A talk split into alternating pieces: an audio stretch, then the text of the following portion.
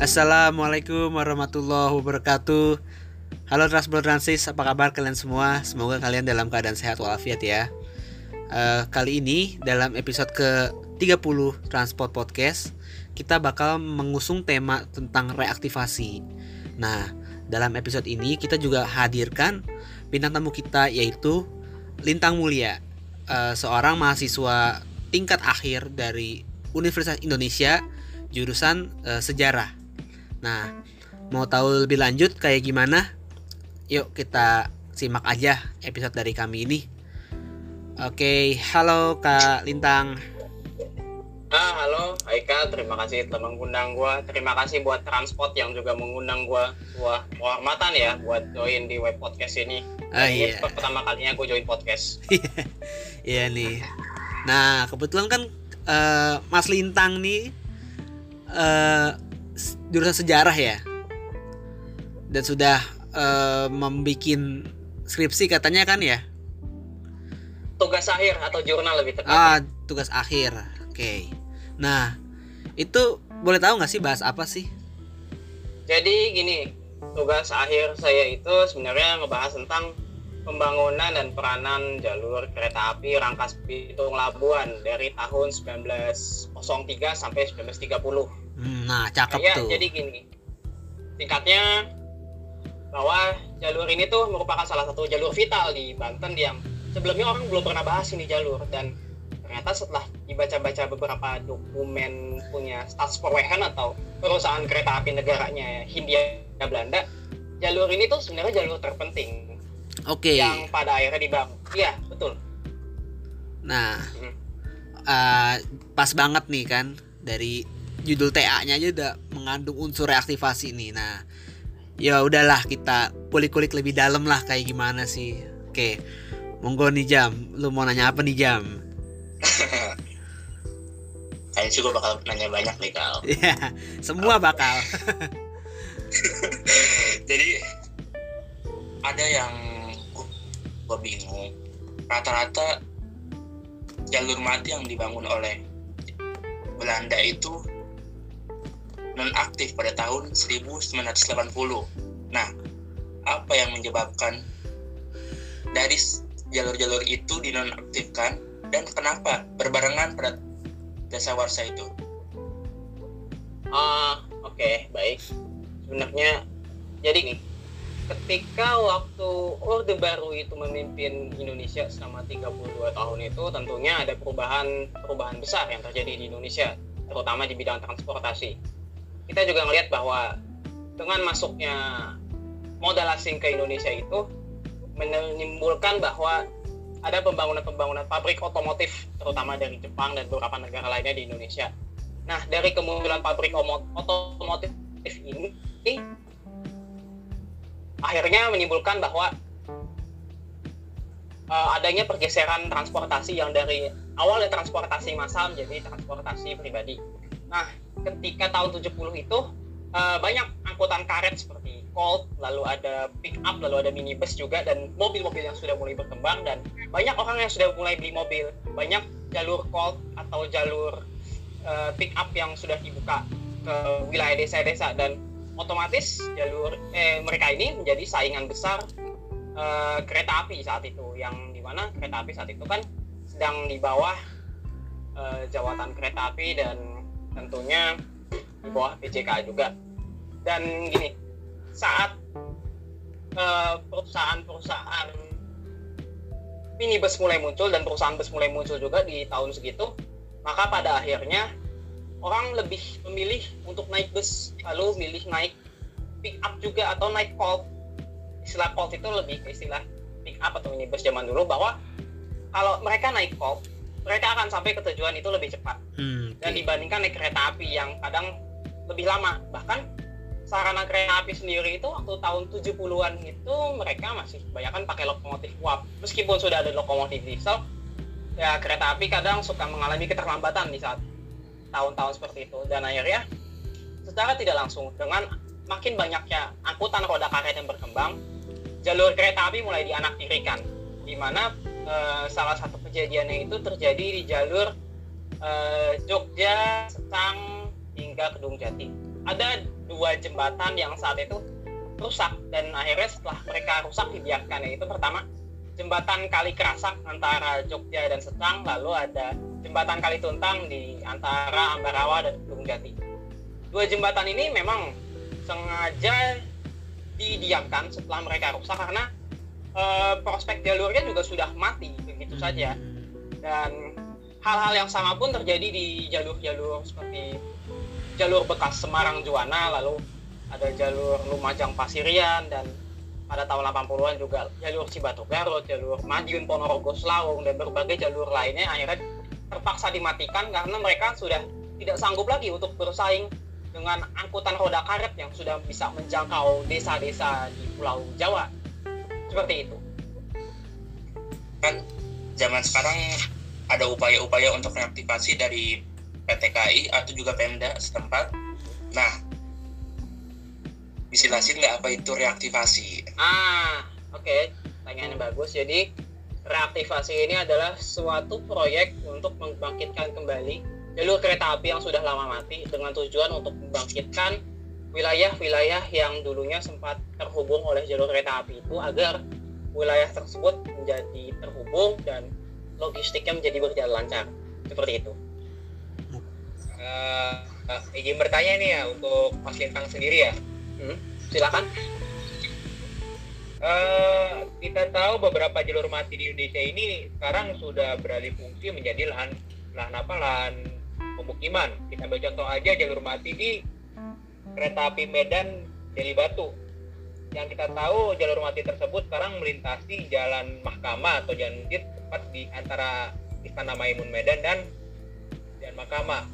Uh, pertanyaan saya mungkin apakah sepanjang jalur mati tersebut yang di tempat pemukiman itu adalah tanahnya adalah asetnya PT KAI atau PT KAI langsung aja ngasih tanahnya itu buat pemukiman warga gitu. Oh. Uh, kan yang kita tahu jalan mahkamah ini saya lihat ini ya emang udah kalau bisa dibilang mau direaktivasi lagi agak susah. Soalnya udah udah pada penduduk istilahnya gitu. Gimana pandangan mas sendiri? Ah jadi gini. Dari beberapa diskusi yang saya saya lakukan juga sama senior. Senior saya yang sebelumnya juga membahas tentang jarak kereta api bahwa sebenarnya tanah-tanah yang di atas dibangun di rumah warga itu itu jatuhnya mereka sewa ke PTK dan mereka harus bayar ke PTK itu juga. Dan ketika jalur itu akan direaktivasi lagi PTK bisa e, memerintahkan agar warga-warga itu segera relokasi. Dan tentunya PTK juga akan bayar ganti ruginya dong terhadap relokasi warga-warga tersebut. Jadi Hmm. mereka at- e, PT KAI itu nggak ngasih ke secara langsung ke wilayah yang ada bekas jalur matinya itu tapi mereka cuma jadi ini satu sewa sementara aja. Gitu. Hak guna tanah gitu atau hak guna bangunan Iya. gitu ya? Macam hak guna tanah dan hak guna bangunan dan Mm, PT KAI memang sudah masang patok-patok juga biasanya di situ. Patok-patok lama. Mm, mm, betul. Kalau patok lamanya nggak akan di upgrade berarti jalur itu memang sudah tidak akan di upgrade juga. Meskipun tetap ada pelang tanah milik PT KA Mm, mm. dan itu udah masuk apa ke penomoran aset juga kan ya? Iya betul. Itu nomor aset masuknya. Ah, ah.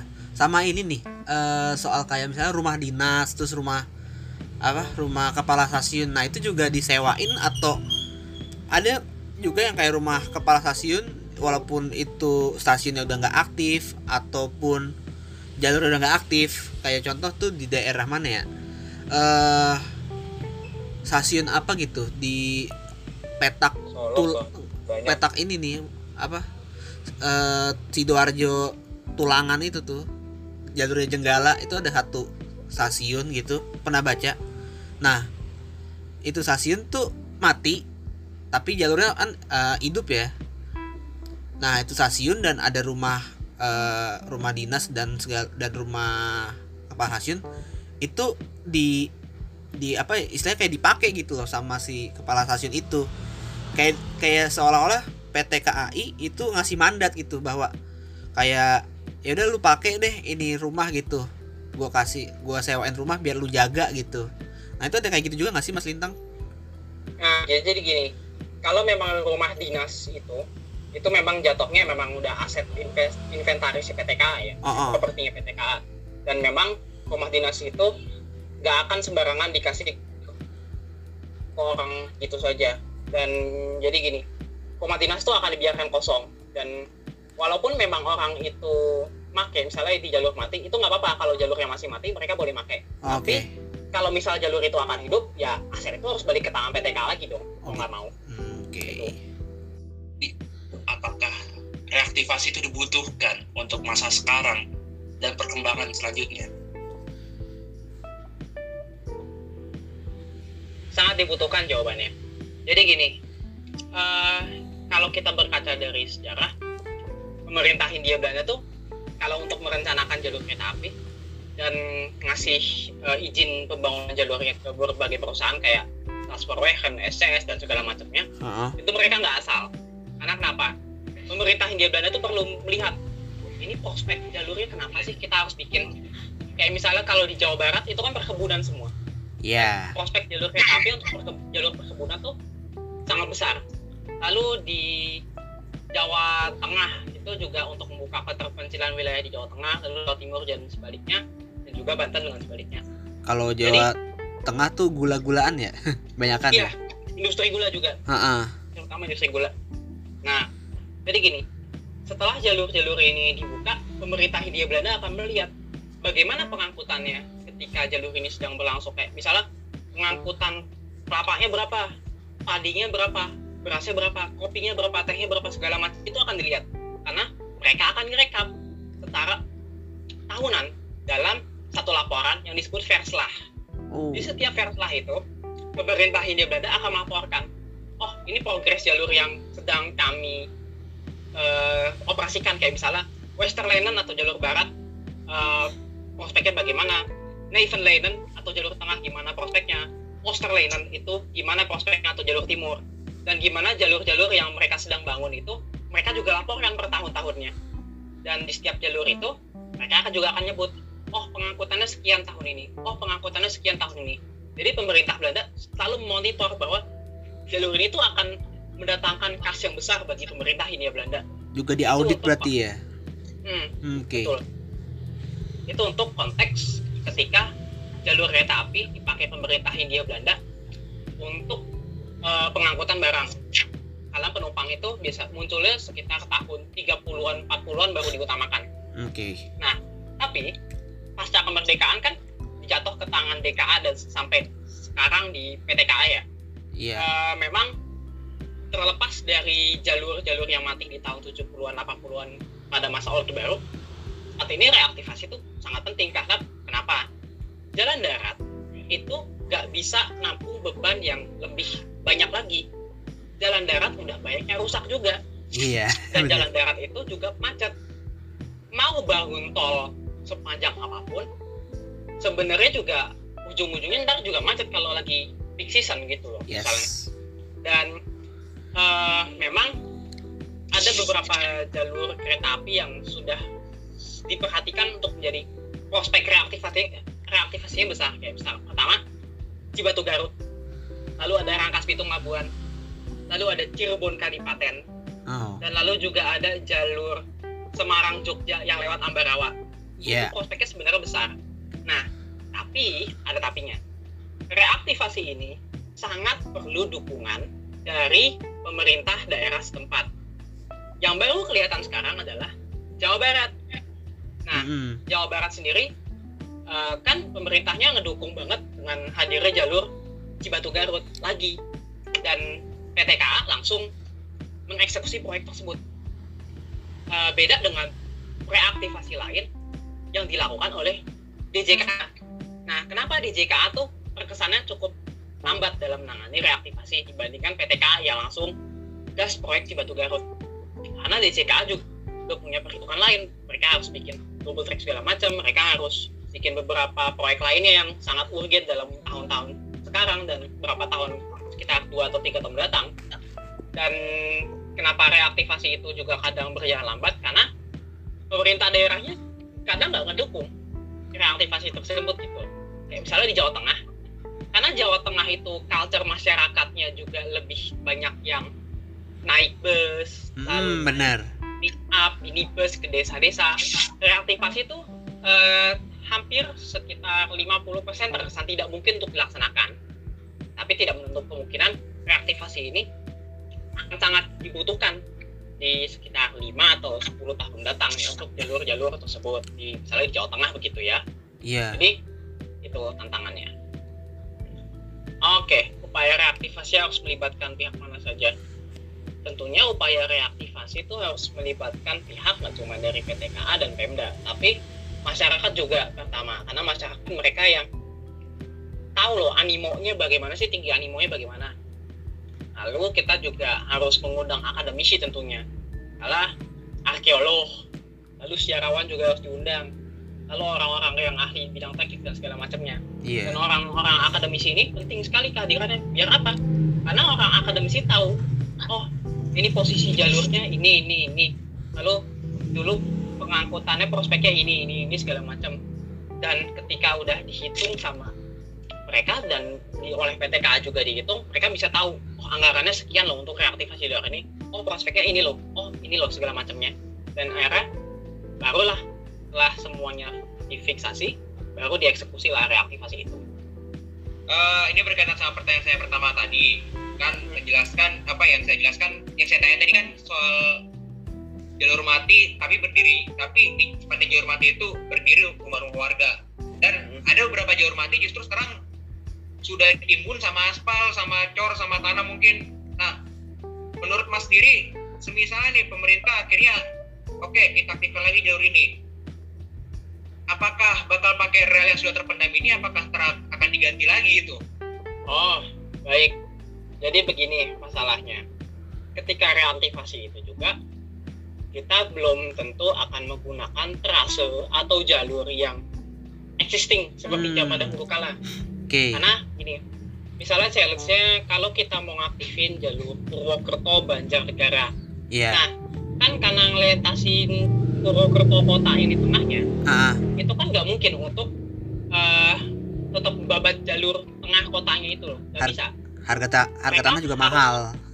muter Iya. nggak mau muter di Iya. jalur muter loh gitu harusnya mereka kayak gitu jadi kadang memang kalau memang itu tidak padat penduduk itu masih bisa untuk direaktivasi sesuai jalur existing tapi kalau memang sudah pada penduduk yang sudah terdevelop oleh Pemda setempat itu nggak akan bisa dijadiin trase untuk reaktivasi jalur tersebut gitu Jadi dengan kata lain kita pengaktifan jalur sendiri kita nggak mungkin semena-mena langsung bongkar jalan begitu aja dong berarti.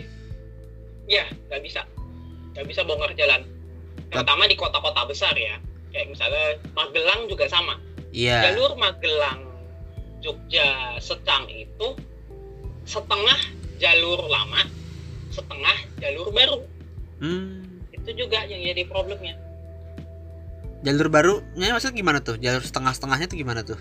jadi gini setengah dari trase jalur Jogja ke Magelang itu Iya. mereka akan pakai jalur baru karena Oh. agak sedikit tidak mungkin ketika sudah mau masuk Magelang kotanya nih itu mereka mau bikin jalur di mana Yes, benar. kan udah jadi kota ya mau nggak mau mereka muter Berarti eh, stasiun Magelang kotanya bakal beda dong, bukan yang lama, bukan yang lama.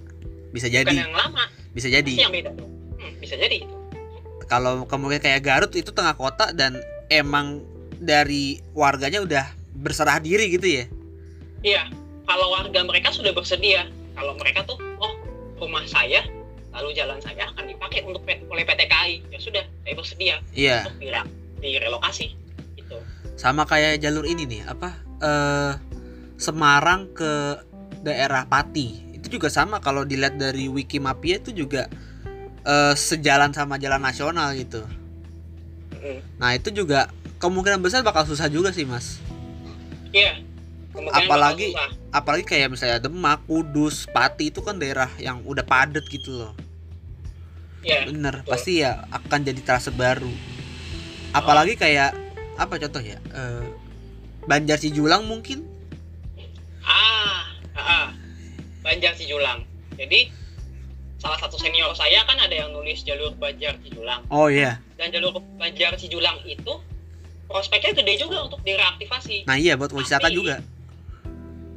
Kalau kita berkaca ya ke Uh-uh. dana yang digunakan oleh pemerintah Hindia Belanda saat itu waktu untuk membangun jalur Banjar Hiulang itu sekarang ekivalennya berapa triliun lebih 10 triliun lebih malah untuk reaktivasinya itu itu Waduh. jalur paling mahal yang dibangun oleh pemerintah Belanda Waduh, mau direaktivasi sekarang juga wah perlu dana gede men benar-benar. Nah, itu faktor yang bikin dana jadi gede itu faktor apa biasanya mas? Apakah faktor kontur tanahnya apa yang mesti pakai rel khusus kah gitu? Ah, jadi gini. Faktor kenapa dananya gede itu mereka pertama babat bukit juga. Selain babat bukit, mereka bikin terowongannya panjang. Yes. Kan ada beberapa terowongan kayak terowongan Hendrik, terowongan Wilhelmina, Wilhelmina. terowongan Juliana. Lalu jembatannya juga panjang-panjang. Makanya jalur ini dibilang jalur mahal. Apa perlu studi banding sama KCIC kali ya? yang udah bisa babat alas tuh. Bikin terowongan panjang panjang-panjang. kalau nggak salah ya jalur Banjar Cijulang tuh terowongannya menghabiskan ya sekitar biaya 710 Golden. ribu golden lah, Set mahal banget. untuk terowongannya doang Iya. Makanya itu yang bikin mahal. Udah gitu kecil lagi. 206 mana muat gitu. Gak muat, susah. ya kalau nggak mau bikin terowongan baru, otomatis. Terowongan baru aja yang di Daop 5 aja udah susah. Yang tiga itu tuh kebasen notok sama ijo. Ini lagi.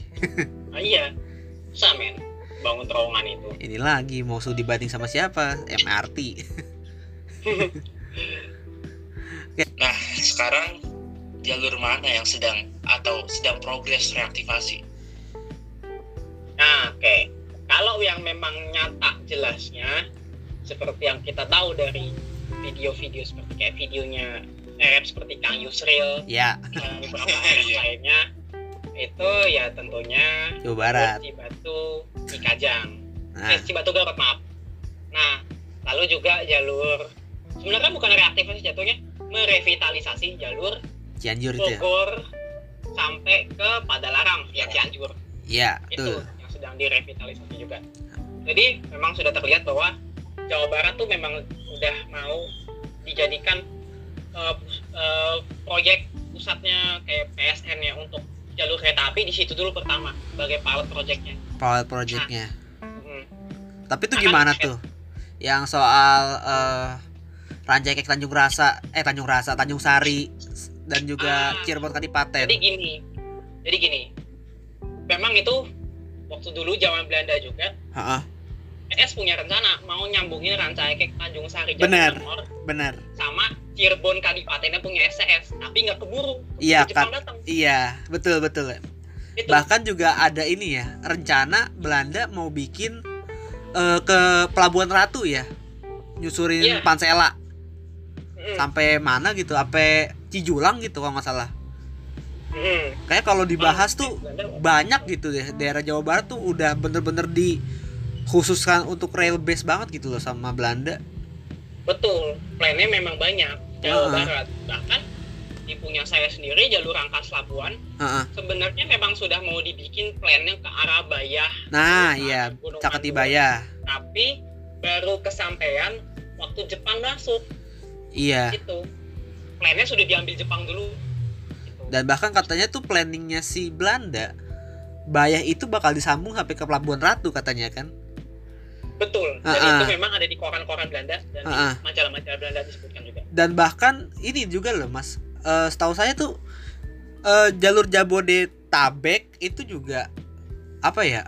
eh, sama Belanda pun juga udah mau di gimana di dibikin rail base semua gitu kayak misalnya contoh Bogor Rangkas tuh katanya emang ada katanya emang ada rencana ya dari Belanda Iya, hmm, memang betul ada rencana. terus eh, btw kalau soal apa sih eh, Nambo ke Cikarang tuh udah lama udah dari zaman Belanda bukan sih kalau Nambo ke Cikarang tuh sebenarnya justru masih proyek baru jatuhnya. oh baru ya Itu proyek baru. nah soal rel dogong gimana tuh rel dogong di Jonggol Rel yang di Jonggol. Ah, ah. pernah denger nggak Pernah dengar, cuman saya masih belum bisa ngomong karena kan Ah. saya belum punya buktinya sekarang. iya Gitu. Nah, bahkan kalau eh, soalnya pernah denger juga sih kayak beberapa jalur gitu kayak ada ngelup gitu uh, outer loopnya Jakarta kayak yang, yang sekarang mau dijadiin itu. Sebenarnya tuh dulu tuh uh, ada Bogor Rangkas terus ada yang ke Jong Jonggol Cianjur ke mana gitu. Itu dari zaman Belanda kalau nggak salah sih. Nah itu itu juga perlu perlu dikaji lagi sih harusnya sih sama pemerintah sekarang sih. Iya. Apalagi gitu. apalagi ini kan kons apa konteksnya tuh Jabodetabek gitu loh. Wah untuk hal pengangkutan penumpang mah udah jawara harusnya sih. Udah benar-benar dipikirin. Ya betul. Betul sekali itu nah terus apa gitu mas? Tadi kan yang Labuan tadi udah. Hmm. nah terus apa lagi tuh mas oh iya yang tadi Cirebon Kadipaten belum saya sambungin nih oh iya ya lanjut lanjut Jadi gini, Cirebon Kadipaten itu yang sampai Rancaik ke Tanjung Sari, Iya. itu kenapa mereka mau direaktivasi sebenarnya? Karena ada bandara Kertajati di situ. oh tapi oke oke lanjut lanjut Tuh, bandara Kertajati itu jangkauannya kalau pakai jalan darat masih Hmm. agak susah. iya Makanya mau dibikin jalur kereta api ke sana gitu. meskipun ya udah mau di udah jadi setengah atau seperempat sih jal, apa jalan tol Cisumdawu itu. Cuman ya sejauh ini emang tuh tol paling lama sih kalau pandangan saya amatan saya gitu sih. Itu Hmm. tol juga tol susah juga ada terowongan dan belah bukit macem-macem. Lebih daripada Cipularang dah pokoknya tuh. Apalagi nanti kalau mau lihat ke Banjar wah makin parah itu. Nah harusnya sih itu jadi titik titik utamanya yang itu tuh. Ke mana? Ke Kadipaten Tanjung Sari itu harusnya. Iya, bisa lewat situ, dan bisa juga lewat Kertajati langsung. ah iya makanya apalagi Kertajati sekarang kosong mulu. Iya tuh harusnya sih bisa tuh dari Kadipaten ke Kertajati dan atau enggak Kertajati ke arah Jatibarang mungkin lebih deket. Hmm, bisa. Iya. Gitu. sebenarnya kalau dibilang Jawa Barat nih banyak banget koneksi buat rel gitu loh. Apalagi tuh kayak contoh eh, jalur shortcut ini Tanjung Rasa ke apa namanya? Ke mana sih namanya? Cibungur. ya ya Cibungur ya Cibungur. Itu itu dari zaman Belanda tuh baru hitungannya? Itu proyek baru masuknya. oh baru. Ah, berarti tanahnya dipatokan baru ya gitu ya? Matok baru lagi. oh gitu. Cuma belum bisa apalagi Eh, daerah Banten cuman Ah. rangkas apa Banten Rangkas Labuan. rangkas Labuan via Saketi I- iya lewat Saketi itu. iya Itu masuk rencana besar juga setelah Jawa Barat nanti. Heeh. Ah, jadi memang di beberapa grup relpen yang saya gabung juga itu juga udah mulai ngebahas. Oh ternyata masih progres. Heeh. Mereka sudah mulai nggak cuma ngedata rumahnya tapi ngedata situasi sosial di sana gimana. oh Nah, gitu. kemungkinan ini bakal dipakai buat ganti rugi nanti. oh gitu Hmm. Kalau udah masuk tahap kayak gini, Mm. ntar selanjutnya bakal bikin DED atau rancangan jalurnya. oh iya Apakah mereka akan pakai lama atau baru? Tapi karena pun saya juga lihat bahwa ini nggak begitu populated banget, maksudnya nggak ramai penduduk ya. Heeh. Karena kan melintasin pelosok Banten juga. Iya Dan- Banten Ini jalur pakai trase lama. kemungkinan 90%. besar kemungkinan besar Hmm. itu bakal ak- akan direaktivasi sampai Saketi Bayah atau cuman sampai eh, Labuan dulu kemungkinan sampai Labuan ya Eh, Labuan dulu. Labuan dulu ya karena mengingat eh, kalau kita ngomong hal wisata ya Tanjung Lesung contohnya lah ya gitu Eh, orang kan eh, bikin tol ya emang sekarang lagi bikin tol juga tuh Serang Panimbang cuman eh jatuhnya kayak pemerintah nih lebih mengimbangin antara tol sama rel kereta sih kalau menurut aku sih Hmm. gitu ya Hmm. bener-bener sih nah itu soal apa-apa Anyer Kidul. oh iya Anyer Kidul tuh Oh, Anyar Kidul. ah Tuh. Si Gading Anyar Lor, Anyar Kidul. Nah, itu sebenarnya eh, udah gak direaktivasi lagi sejak ketika pelabuhan tuh pada dipindah ke Merak semua. Jadi gini, di Banten itu ada tiga pelabuhan. Yang saya sebutin itu pertama adalah Anyar Kidul sama Labuan. Nah, Anyar Kidul itu itu pelabuhan penumpang. Lalu pelabuhan untuk pelabuhan barang. Nah, ketika Anyer Kidul itu sudah mulai berkembang juga, pemerintah Belanda lewat SS akhirnya memutuskan untuk membangun pelabuhan baru. Mana? Merak. Nah, pelabuhan Merak itu entar otomatis jadi pelabuhan penumpang sekaligus pelabuhan barang. Dan ketiga pelabuhan ini tuh mereka saling berfungsi untuk menghubungkan antara Sumatera dan Jawa logistiknya gitu. Nah, tapi kan seiring dengan berjalannya waktu seperti yang saya sudah kemukakan sebelumnya, pada akhirnya pelabuhan semuanya dipusatkan di Merak dan orang juga. Iya. itu kan tadi ke arah pelabuhan Anyer Kidul nah berarti eh, itu kereta yang lewat jalur itu berarti kereta barang semua atau ada kereta lokalnya Kalau dulu itu waktu zaman Belanda, zamannya SS, Ah, ah. itu kereta penumpang banyak kan yang ke sana. Dan sebagian kereta barang yang dialihin ke Labuan. Hmm. Nah, tapi kan karena Cigading itu pada akhirnya jadi Terminal batu bara. muat batu bara, ya jalur Anyer Lor Anyer gitu kan akhirnya harus mau nggak mau mati. Mati iya. Heeh. itu loh. Dan kalau nggak salah tuh pembangunan Anyer Lor Anyer Kidul tuh sebenarnya buat angkut batu si Belanda mau bikin bendung Pamarayan. Hmm, hmm. Soalnya tuh ada di pelangnya begitu pas di sono. Oh, Nah si Azam udah Oh. pernah udah pernah jalanin tuh situ tuh, udah pernah hmm. jelajahin. Ada nemuin apa aja turntable ya Turntable ya. sama apa tuh kettle air. Air. Iya. hmm. Tapi ya turntable-nya di tempat sampah. kan dari tadi kan kita kita ngobrolin soal jalur mati akan direaktivasi dan kemungkinan direaktivasi yang ada di Pulau Jawa. Iya. Nah Sumatera nih. Ini bertanya nih, aku, aku kan Heeh. Sumatera nih tanya. Oke, Ah. tadi kan aku ngebahas soal jalur mati antara Medan Deli Tua yang lintasannya tuh di antara istana apa Istana Maimun dan Masjid Raya Medan. Nah, Hmm. selama Mas Lintang apa Mas Lintang ada ketahui lagi gak selain jalur mati Medan Deli sama kalau nggak salah jalur mati yang Solok ya gara-gara bencana ya selain jalur Ah. jalur itu ada gak kayak gitu Hmm. Kalau yang saya tahu sendiri itu jalur mati kan ada berapa ya kalau di Sumatera Utara. Terus kayak misalnya Di Medan 1 ke Besitang dan Besitang sampai ke Aceh nanti itu. Oh iya benar. Nah, itu proyek sebenarnya lagi dikejar juga sama PT KA, cuman masih stagnan sampai sekarang. Yang Jadi Binjai belum ada itu ya. perkembangan yang signifikan juga. Itu pertama. Lalu yang kedua itu jalur-jalur di Sumatera Barat, khususnya jalur Gerigi. Kayak misalnya dari Padang Panjang ke Solok, lalu Solok ke Sawah Lunto sampai Muaro Kalaban. Iya, Muara Nah, Kalaban. Lalu juga ada yang dari Muaro Kalaban sampai nanti tembusnya ke Pekanbaru juga ya. Iya, Yang lewatin dibangun waktu zaman Jepang. iya, lewatin Sungai Batanghari kalau nggak salah ya. Betul. Nah, Itu kalau direaktivasi gimana tuh? Jambi ya Jambi, kan baru, Riau. Batanghari itu Jambi setahu gue deh. Oh gitu ya. Ya lupa lah iya Batanghari Jambi Batanghari Jambi ya Ah, Batanghari Jambi. gitu ya. Hmm. Itu kalau direaktivasi bisa terasa baru kali ya. di Jambi itu sempat sempat ada jalur kereta dong Eh, belum. Harusnya tuh mungkin tadi salah. Jadi koreksinya gini. Kalau untuk Batanghari sendiri saya agak lupa ya lokasi di mana, tapi jelas dari Sumatera Barat memang mau ditembus ke Riau waktu.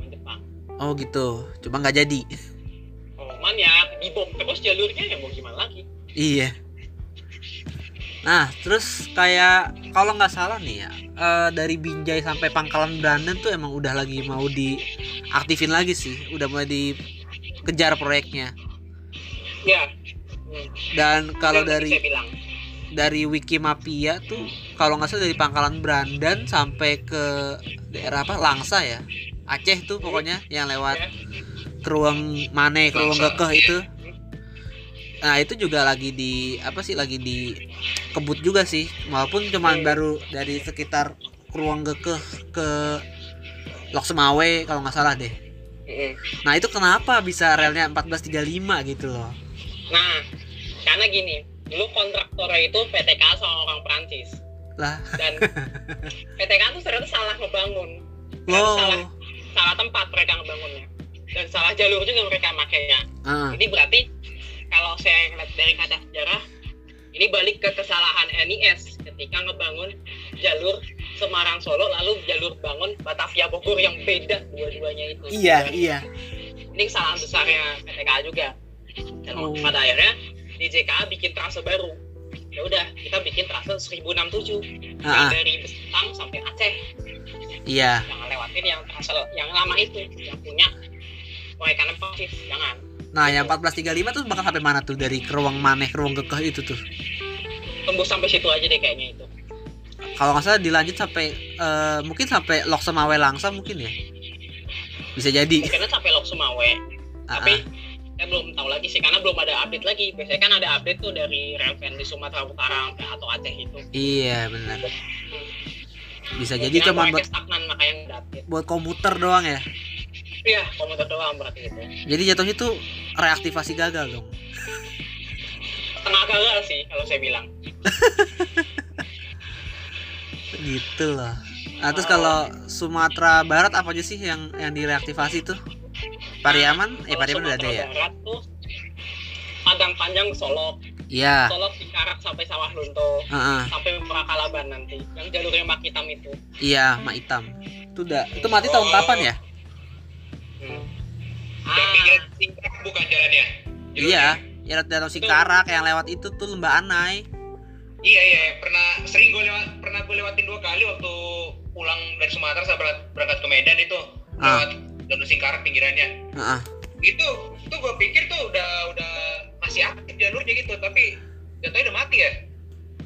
tahu mati tahun Iya. kapan tuh? Udah mati sebenarnya. Bukan mati sih mati suri lebih tepatnya. Iya.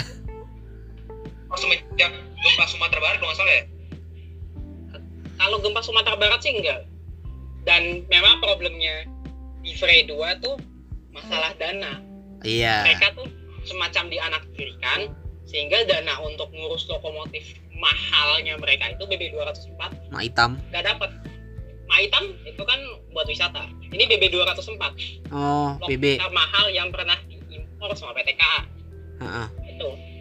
Mereka nggak dapat dana suku cadang ya sudah mati BB 204 tapi jalurnya eh, clear ya? Clear tentunya clear tapi sudah ada jadi semak luka Ah. ternyata. seenggaknya nggak jadi rumah lah gitu Eh di Solok jadi Iya. mental.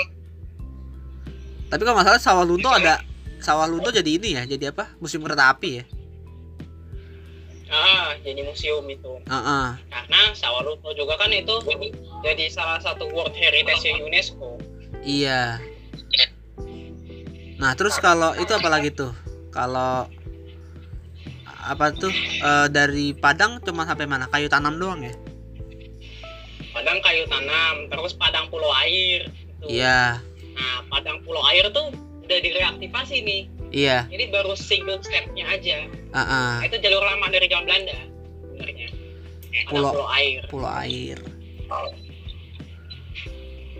Nah, Tang, kan kalau di di kedua itu kebanyakan kan jalur tinggi. Iya Nah, itu kalau sedangkan kan BB 204 kebanyakan kan hasilnya tragis nih. Nah, Hmm. Apa nih kemungkinan nggak sih kalau jalur tinggi itu dipakai kereta yang lokomotif yang non B? ya mau nggak mau istilahnya harus keluar kocek lagi gitu.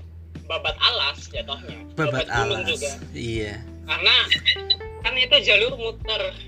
Muter ya muter gunungnya dan makanya kenapa orang Sumatera Barat juga agak males naik kereta? Karena muter jalurnya muter dan lama waktu tempuhnya dan akhirnya mereka milih naik bus rata-rata. Oh gitu.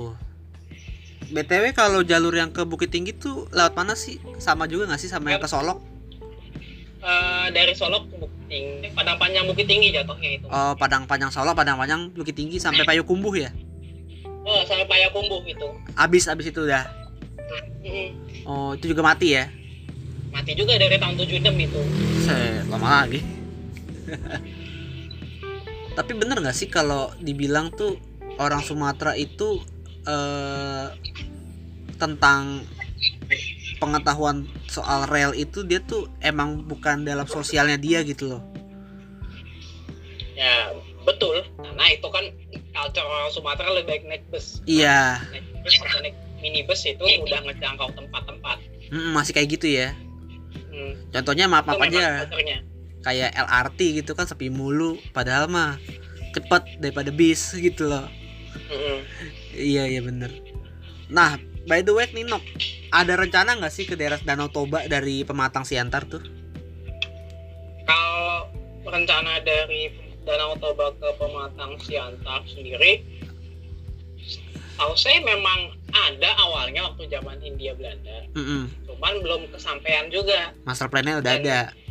Krisis ya krisis 30-an itu Oh iya benar. Hmm. memang jalur mau di Sumatera mau di Jawa itu nggak kesampaian semua gara-gara krisis Heeh. Tahun Terus juga 30. nih tambahan ya, eh, berkaca gua karena gua orang yang di Danau Toba juga nih, Heeh. emang untuk jalur kereta sendiri sepemahaman gua karena ya Medan sih lebih tepatnya karena lu Danau Toba tuh gunung Iya. jadi ada ada kemungkinan ya kalau nggak babat alas babat babat bukit ya sama juga lah mungkin kendalanya sama kayak rencana pembangunan jalan tol Danau Toba Siantar gitu waktu gua tanya bakal di mana keluarnya nggak ada yang bisa jawab Iya iya. Gue tanya juga apakah ada kereta apakah nanti ada kereta dari misalnya dari Medan Siantar, Siantar Parapat Parapat Tarutung,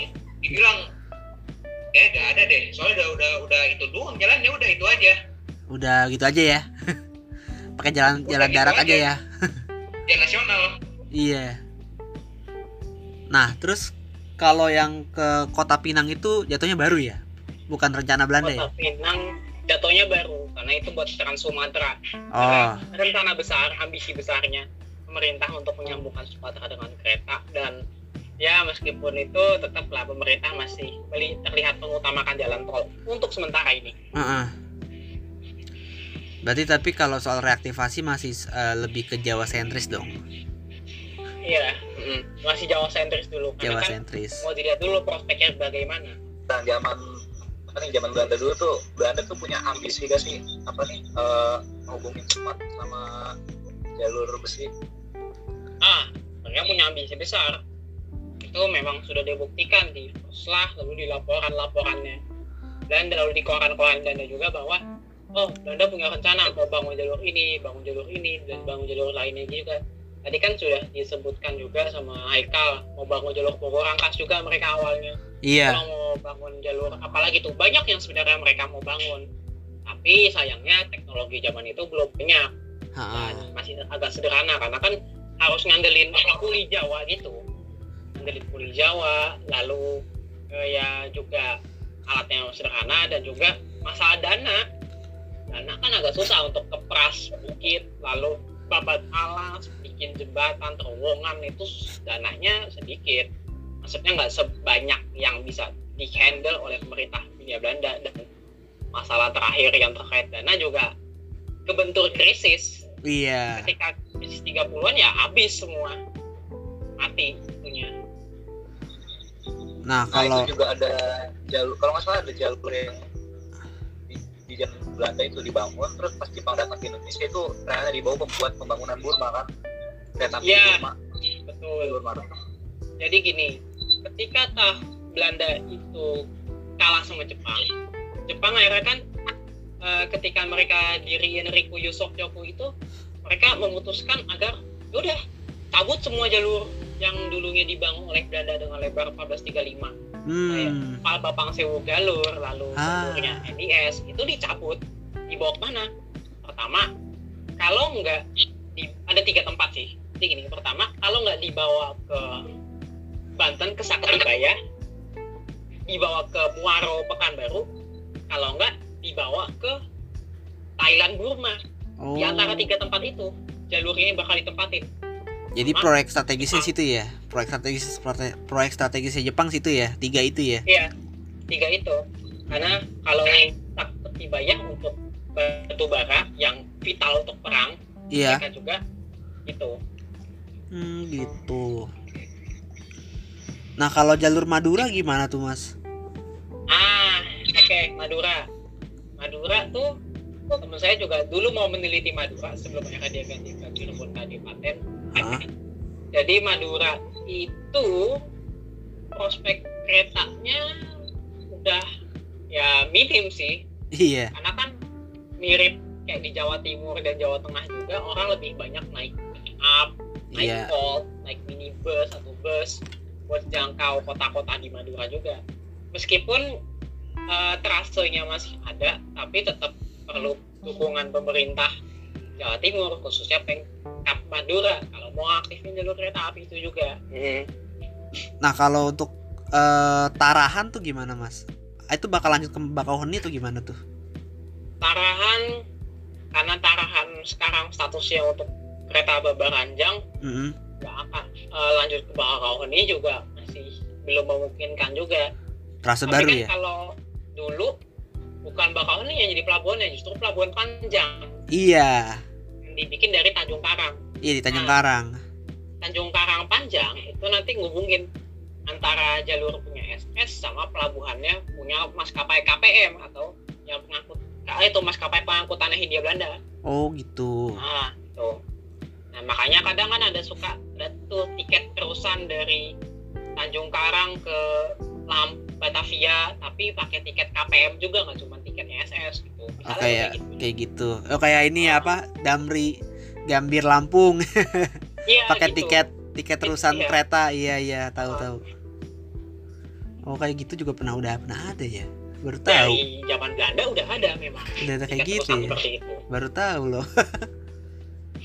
Kalau apa nih zaman kolonial dulu itu kenal banget jadi kalau satu peta itu apa nih kelasnya itu dibagi-bagi jadi ada yang terbang khusus buat apa nih Pribumi.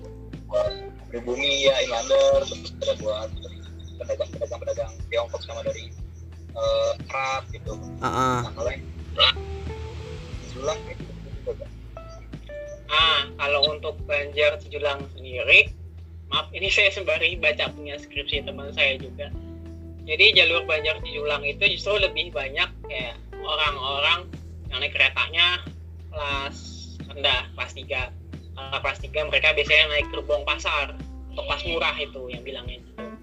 Karena kan eh gini, justru kalau dilihat dari pengangkutan barangnya itu dari tahun 27 sampai 29 memang ada peningkatan tapi rata-rata itu di bidang ternak sama di bidang pertanian ya Heeh.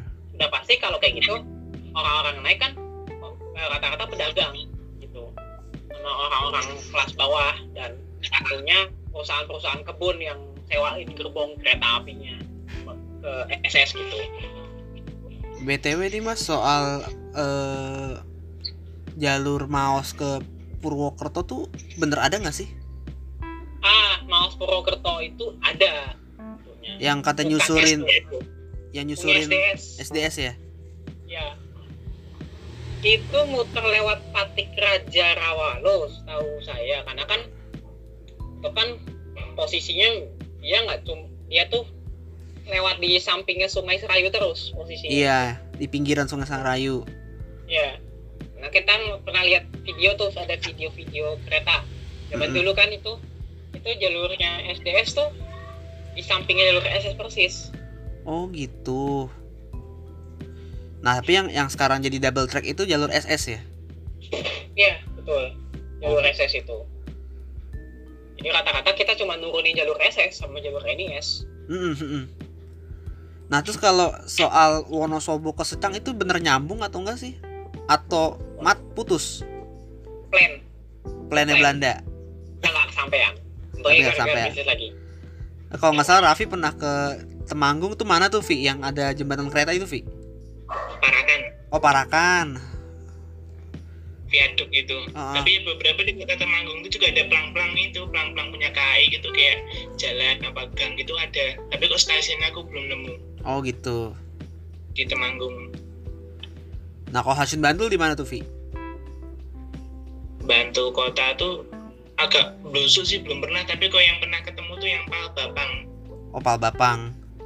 Mm-mm. Tuh kalau nggak salah juga ada tuh kayak halte ya deket keraton apa tuh Vi ya? Ngabean. Ya setelah ngabean yang gitu. parkiran parkiran Setelah ngabean. Dongkelan Ya itu kali ya, iya. yang Yang pasar burung itu bukan kalau nggak salah ya itu. iya heeh. dan itu yang asal kalian tahu juga itu eh, Ngapian itu dulu ada percabangan juga Oh iya. percabangan ke arah timur ke arah Jalan Imogiri ya Mas Lintang bener ya betul betul Hmm. hmm. kok nggak salah di cabang Jepang kayaknya deh Itu kereta Jepang itu itu kereta uap atau buat tram? Kereta ya? Eh, paling ya kereta semacam itu uap itu Hmm. Oh gitu. tram Oh, tram tapi kan tram itu dalam istilahnya kereta uap yang kecil Mm-mm, yang mm-mm. Lokseri C gitu iya iya mm-mm. karena dulu Belanda memang membedakan antara mana yang spur besar, mana yang spur kecil, mana yang tram. Itu benar-benar dibedain sama Belanda itu. Iya, iya. Ada yang tramnya spur kecil, ada yang tramnya betulan tram.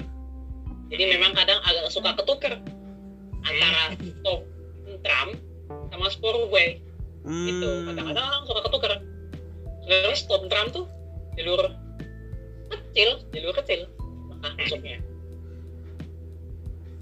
Nah, eh soal apa gitu Vi? Eh, yang ke kita pernah nemuin itu ya, yang ke arah Bantul ya, ada relnya ya, yang di gang-gang itu tuh ya, iya sama Ah, yang ke arah itu- Magelang. itu. sebelum Ngapian itu dari stasiun Tugu Tapi kalau direaktivasi juga dalam bentukannya elevated juga nge- nge- ngeganggu mukanya Jogja sih kalau menurut gua. Soalnya udah jadi jalan raya dan sempit juga rumahnya juga udah padat situ. Iya, Susah. agak susah banget Iya. buat direaktivasi ya. Susah untuk reaktivasi itu. Heeh. Apalagi Apalagi Jog- sekarang jalanannya rame Jogja padat lagi. Benar. di Sudah liburan. terlalu tengah kota jatuhnya. Iya. Mm-mm. Apalagi arah Magelang tuh bener sih kata Mas Lintang harus pakai trase baru. Iya. Katanya mau. katanya mau dari Purworejo bilangnya Mm-mm. Ah, itu perlu banget. dari Perlu. Kedung Jati sampai Ambarawa Ambarawa Jogja itu perlu banget gak sih? Perlu, perlu banget. Perlu. Bener sih. iya. Udah progres. Iya. Yang kata cuman dulu apa tuh progresnya cuma naro naro rel doang terus udah gitu Naruh rel bantalan selesai. seremonial. Rapid doang sama tiang jembatan. Udah. Jadi, Seremoni. Cuma dinyinyirin jadi wacana itu. Sama beberapa pecinta kereta api. Ada yang bilang dialokasikan buat jalur mana gitu Eh, bahan-bahannya. hmm. Tapi memang sih kalau diakuin itu memang proyeknya DJK aslinya. Heeh. Dan ketika proyek itu berlangsung, ternyata kita juga mau bikin double double track, makanya dananya dialihin ke, ke double double track itu loh. oh gitu. Jadi ya udah berarti di situ stuck. Jadi lebih simpang siur dong berarti ya antara DJKA sama KAI gitu ya. Untuk Ah, untuk soal proyek gini. Selalu simpang siur Iya. ya. ini simpang siur, makanya eh, harusnya ya yang nanganin reaktivasi. Kalau menurut saya sendiri, Heeh. itu harusnya PT KAI yang nanganin. sama proyek-proyeknya juga Ya, sepaket. terutama lewat KAPM kan ada KA Property Management. Iya, yang aset. nanganin juga tuh. Iya aset. Hmm, asetnya itu loh yang mereka punya mereka yang tahu aset dan mereka yang harus tahu cara aktifnya gimana jangan kasih ke DJK gitu loh DJKA jadi buat apa dong? ya DJK untuk ya itu bagaimana Eksekutor. bisa reg- regulasi pengangkutan Oh gitu. Eh, biarin urusan reaktivasi serahin ke PTK DJK ngatur pengangkutannya segala macam aja Oh gitu. Berarti eh, kayak misalnya untuk konstruksi dan ya proyeknya itu juga harus dari KAI langsung ya. KAI langsung dan tapi kalau KAI langsung pun juga enggak jadi kayak misalnya gini harusnya komposisinya gini loh. eksekutor Heeh. yang proyek itu PTKA lewat KAPM Iya. DJK atau Regulator. itu mereka ngasih itunya kayak peralatannya sarprasnya kayak Oh misalnya iya iya iya. MTT terus ngasih eh, bantalan ngasih rica itu yang harus mereka sediain Hal-hal prasarana sipil gitu ya. Eh, Oke. sarpras sipil mereka sediain dan biar PTKA yang kerjain Heeh, Untuk kayak eh, apa sih pelaksana tetap KAI gitu ya. hmm, pelaksana tetap KAI itu Oh gitu ya bener sih bisa juga sih kayak gitu. Terus btw apa lagi ya kira-kira ya untuk reaktivasi ya? Oh iya nih, eh, ini juga meliputin tram juga sih. Hmm, Menurut Mas Lintang perlu nggak tram ada lagi? Karena kan s- gimana ya beberapa Belanda tuh udah kayak istilahnya ngajarin kita tuh untuk memakai eh, kereta dan menga- mengajak kayak ini kereta ini punya kelebihan loh gitu. Contohnya kayak tram Mojokerto gitu tuh. Terus tram ya Jakarta udah pada tahu lah gitu. Tram Mojokerto eh, tram Wonokromo itu tuh yang Surabaya. Yang sekarang jadi Semarang. terus ada gitu tram Semarang yang lewat Jurnatan. Nah itu tuh perlu nggak sih di kota-kota besar? Karena eh, basicnya tuh si Belanda memulai mass rapid transit itu dari tram dulu gitu loh Mm-mm. nah itu menurut Mas Lintang gimana tuh Nah, kalau kalau ngaca ke zaman sekarang itu pembangunan kotanya sudah nggak teratur. iya Nah, makanya itu susah untuk bangun jalur tram lagi. Heeh. Meskipun ketika dieskavasi karena lagi mau pelebaran jalan ada jalur tram bekasnya di situ, Heeh. tetap gak akan bisa. Nah, sudah ya tata kotanya sudah dirancang sedemikian rupa agar ya tidak ada rencana tram setelah itu. oh gitu ya Kesalahan tata kota aja sih lebih tepatnya kalau masalah tram di kota-kota besar. ada hal kecelakaan sejarah nggak sih dari tahun 60 gitu kan kira-kira banyak dikubur tuh tahun 60 Uh, kalau tahun 60-an itu seingat saya waktu zamannya Gubernur Sumarno itu Heeh. memang tram dihapuskan karena kan tram tuh biang kecelakaan, tram tuh biang macet. Karena Heeh. Jakarta sudah crowded dan nggak tahu plannya mau ke mana. Ya ya udah. Tram dihapuskan terpaksa dikorbankan karena mobil sudah terlalu banyak. Heeh, jadinya bus mau gimana lagi? Untuk hal traffic management juga susah gitu ya saat itu. Sus- betul susah. Heeh. manajemen dari tahun 60 tuh bahkan sampai sekarang udah ya kayak gitu aja. Heeh, benar nggak banyak benar. btw juga Kalau nih. masalah itu ah apa tuh Bi? kecelakaan itu juga pernah ya yang nabrak tembok ya. Yang apa itu? Oh itu mah yang itu. Stasiun Batavia North itu mah yang nabrak tembok kota tua. Nah iya oh, iya. Itu Batavia North itu. Dulu Bata- Batavia North tuh eh, stablingnya tuh tempat stablingnya tuh di belakang musim Fatahila yang sekarang jadi tempat parkiran. Iya, betul. Betul Ah, ah. sekali itu. nah tapi kalau bangunan hasilnya ya itu apa gedung BNI itu Hmm, betul sekali itu. iya tapi pas itu kan pu- Batavia North punya NIS ya sementara Punya NIS, iya. sementara Batavia Zuid atau Batavia Selatan itu punyanya Beos bos Punya bos, betul. Iya. Batavia Sportweg. Nah, itu bisa diomongin lagi tuh lebih lebih lanjut tuh soal Batavia tuh. Wah, jalur mati juga banyak itu. Terus kalau untuk daop daop daop 8 apa ya kira-kira ya? Oh, ini Tuban, Tuban Babat. Babat. Tuban Babat juga ya. Babat tuh prospeknya masih kecil sih. Justru yang kalau yang saya dengar juga dari dulu Heeh. itu kali satu. Oh iya. Kalau saat Panarukan lewat situ apa? Bo- Bondowoso. Bondowoso. Situ Bondo. Heeh. Itu prospeknya besar. Iya harusnya sih. Ke arah Pandarukan Situ Bondo naik kereta. Iya Karena kan benar-benar. jalannya juga agak ya panjang sih kalau jalan daratnya makanya perlu kereta buat jalur ke sana Gitu ya. Sulawesi Sulawesi pernah. Belanda juga sudah mencoba bangun Sudah pernah tapi gagal ya yang gagal Takalar krisis tahun 25 sampai 30 ya adanya doang ya. iya betul Heeh, gagal karena krisis juga. Cuma tuh mati banget sih katanya. Eh, asetnya udah nggak ada, terus juga pelang-pelangnya nggak ada ya. udah nggak ada memang asetnya Heeh. yang di Sulawesi itu memang benar-benar karena fokusnya Jawa Sumatera rata-rata Iya gitu. Sayang banget sih. Nah, terus kalau kalau zaman dulu Palembang itu ya udah mentok Kartapati ya. untuk Kertapati memang Palembang Heeh, terus kalau emang sampai Lubuk Linggau doang kan nggak nggak nggak ke nggak ke mana Bengkulu gitu nggak ya? enggak Bengkulu enggak nggak nyampe Udah cuma segitu aja relnya gitu loh di divide 3 dan 4. Hmm, meskipun memang ada selentingan-selentingan rencana tapi nggak kesampaian juga sama Belanda Oh gitu. Baru tahu. Berarti Tapi masih apakah dulu zaman Belanda sempat ada pemerintah Belanda keinginan menyambungkan Sumatera gitu? keinginan menyambungkan Sumatera itu Ya sama zaman Belanda.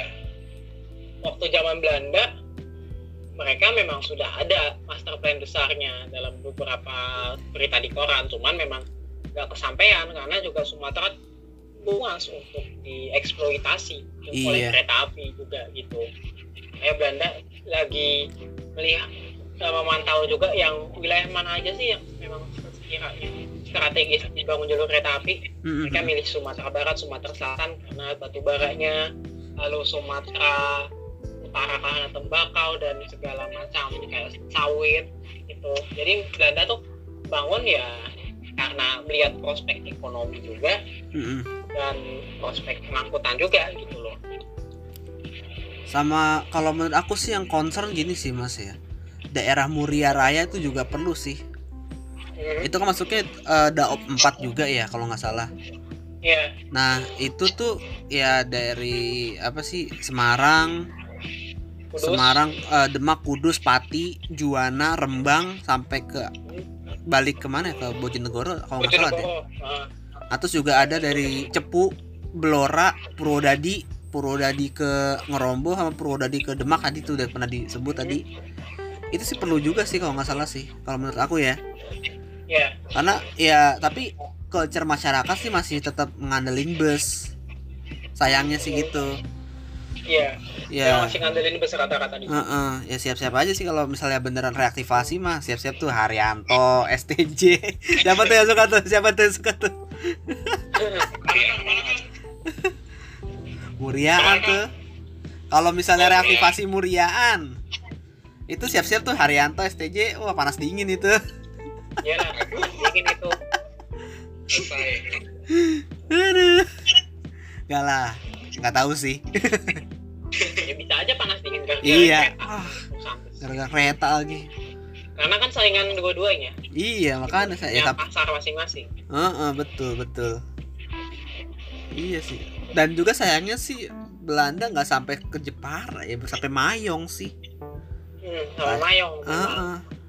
Nanggung banget sih, udah udah keburu kabur Belandanya. Nah, Terus apa ya? Oh, Semarang apa sih? Semarang yang Samarang ya, yang udah nggak ada ya.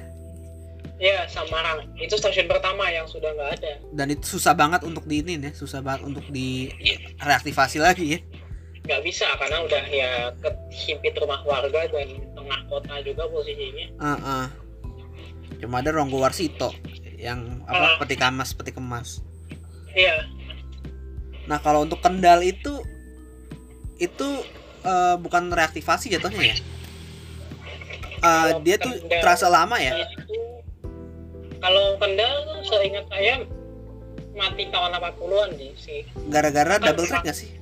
Dari Wuleri memang langsung ke Semarang.